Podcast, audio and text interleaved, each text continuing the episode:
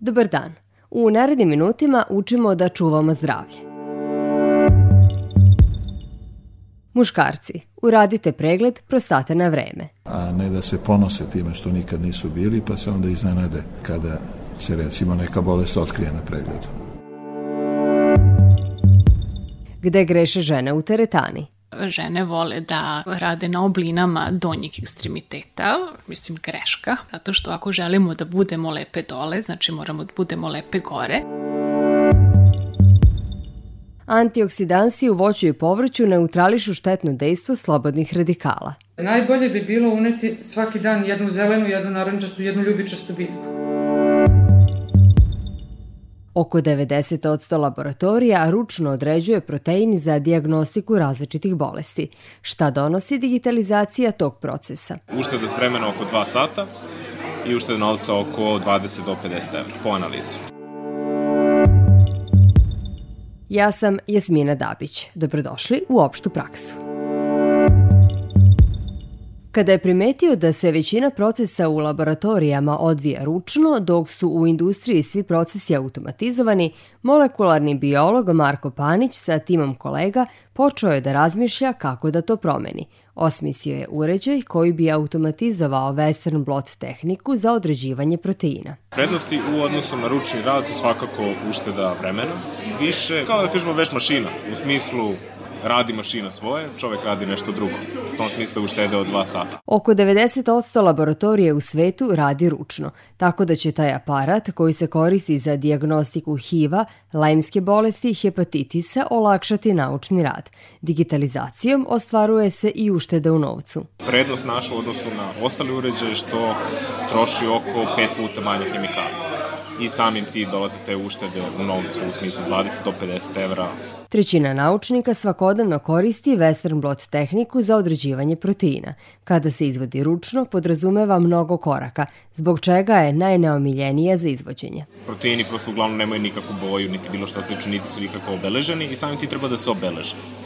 E, to je ovo što mi sad radimo. Znači, to se obično radi ručno, treba neka membranica da bi se dobio signal od proteina, treba da se tretira sa oko 16 različitih rastvora redom. Znači, jedan će da blokira, drugi će da pere, treći će da obeleži nekim antitelom, četvrti opet pere, pa onda sekundarno antitelo i onda ono recimo obeleženo ili bojom ili fluorescencijom ili kako već. Kada se krajem godine nađe na tržištu, uređaj Smart Blot će u Srbiji koštati oko 2000 evra, a u inostranstvu oko 3. Na evropskom tržištu potreba za takvim uređajem precenjuje se na više desetina hiljada komada. Čim nam se završi procedura vezana za patente, to očekujemo da bude u maju, počinjemo prodaju u Srbiji. Cilj nam je da budemo stvarno tu lideri u svetu.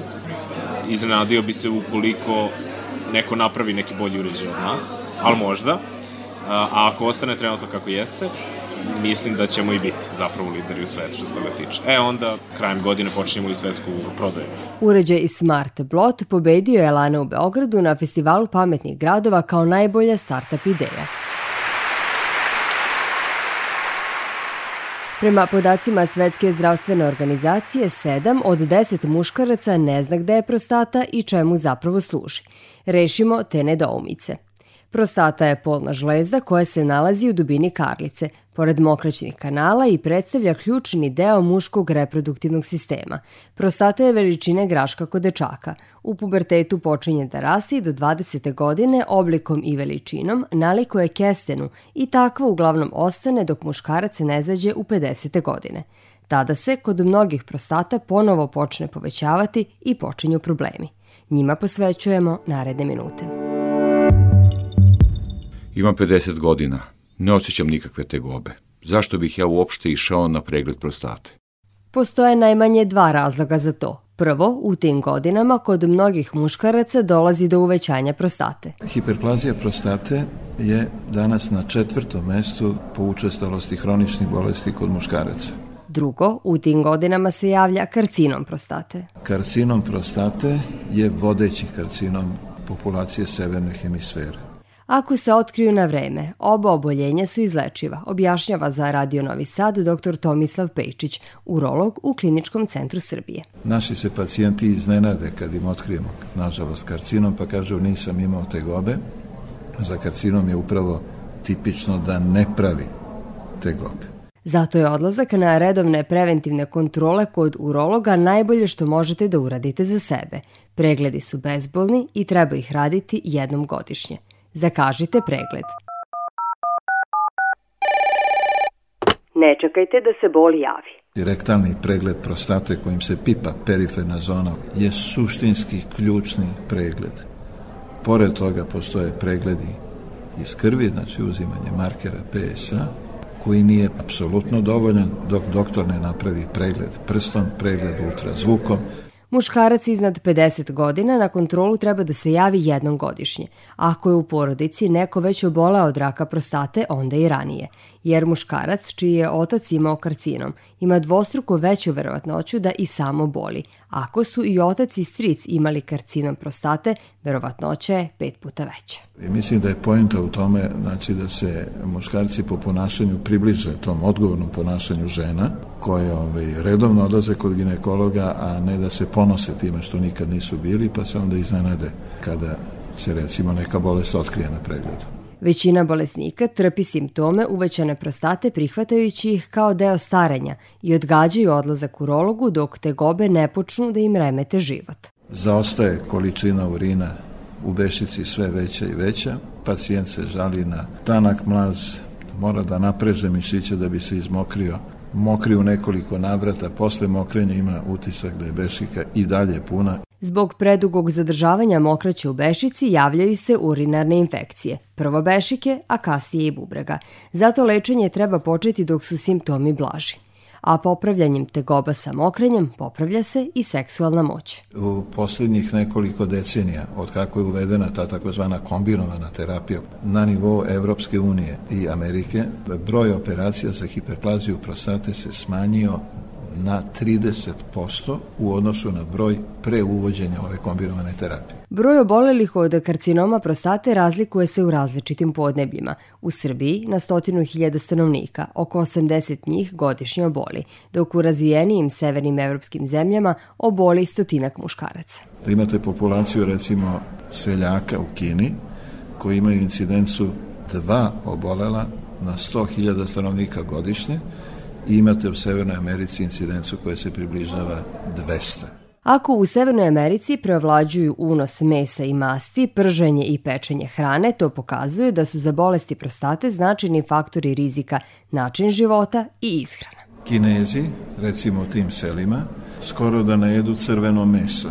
Od mesa ponekad je riba na trpezi, ali jedu jako puno proizvoda od soje, koji imaju puno polifenola, i piju mnogo recimo zelenog čaja koji je bogat sa katehinima.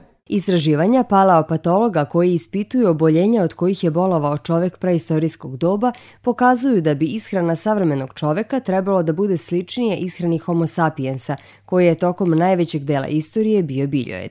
Pre 15.000 godina, smatraju paleopatolozi, kad je čovjek počeo da pravi naselja, počeo da gaji stoku, on je promenio način ishrane koji imao do tada, prethodnih stotina hiljada godina i da je praktično od tada počeo poplava slobodnih radikala i veliki skok u incidenciji karcinoma prostate i karcinoma dojke.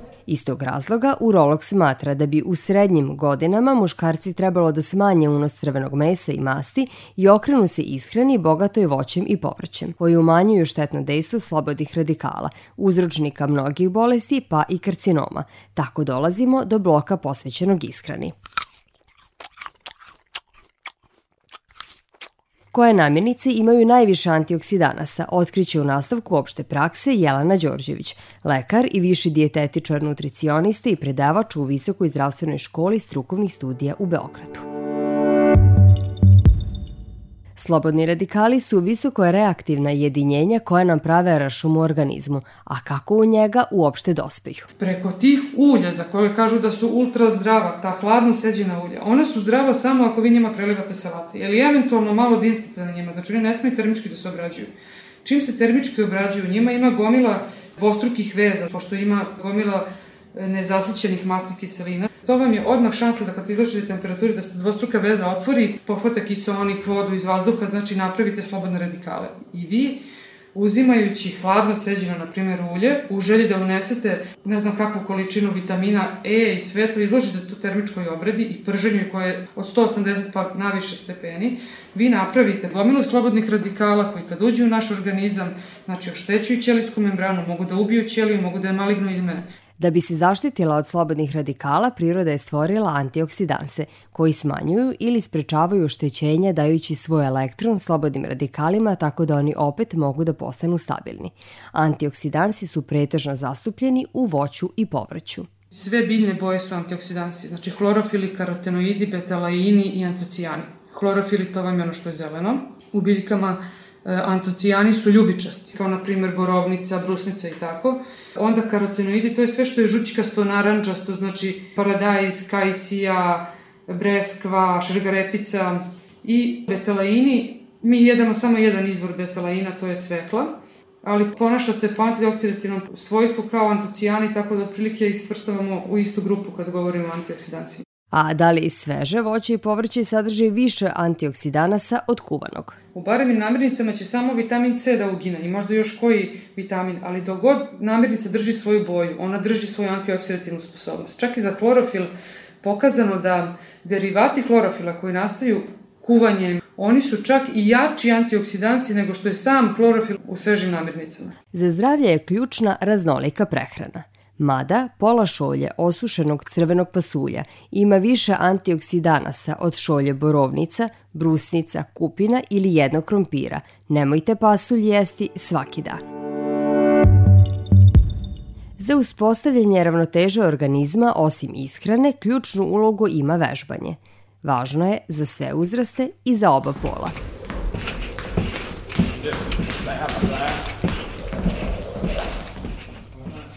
Zanimalo nas je da li ima razlike u vežbanju muškaraca i žena približnih godina.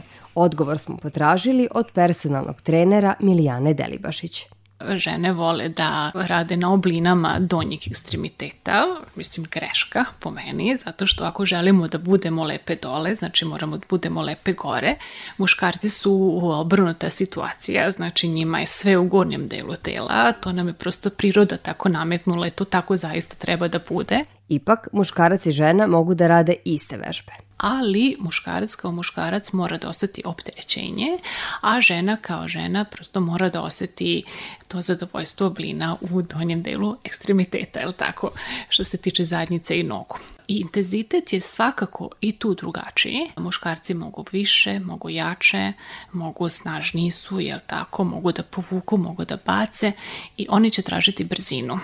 Kod žena je to, da kažem, za nijansu slabije. Svoje tvrdnje Milijana potkrepljuje činjenicom da se oba pola bave istim sportom. E, gde uočavamo da muškarac i žena rade iste stvari, samo što su opterećenje kod mrtvog dizanja, eto čist primer, kod muškarca idu preko 120, a kod žena do 100, jel tako, e, kilograma na onoj žipki koju vidite. Od zajedničkog treninga sa muškarcima zaziru žene. Većina ne želi da trenira sa tegovima jer misli da će se nabildovati, ali to je najveća zabluda koje žene imaju u vezi sa tegovima. Mast moramo da trošimo tako što ćemo mu zadati ili dati malo jedno opterećenje gde ćemo više puta da ponovimo jednu vežbu i na taj način ćemo trošiti masti sa ruku, to jest ispod pazuha najčešće gde kod žena postaje onako posle 40. godine onako mlitavo što mi zovemo zastavice neke, da se to znači ne bi desilo, moramo da imamo malo i opterećenja u rukama. Kombinacija različitih oblika treninga najbolje izbor za poboljšanje izgleda. Kada počnemo da treniramo, prve dve sedmice su najteže jer toliko traje adaptacija. Prvi rezultati treniranja vide se nakon dva meseca. Ja sam Jasmina Dabić. U opštu praksu vodit ću vas i sledećeg četvrtka u 12.15 na radiju i odloženo na sajtu rtv.rs.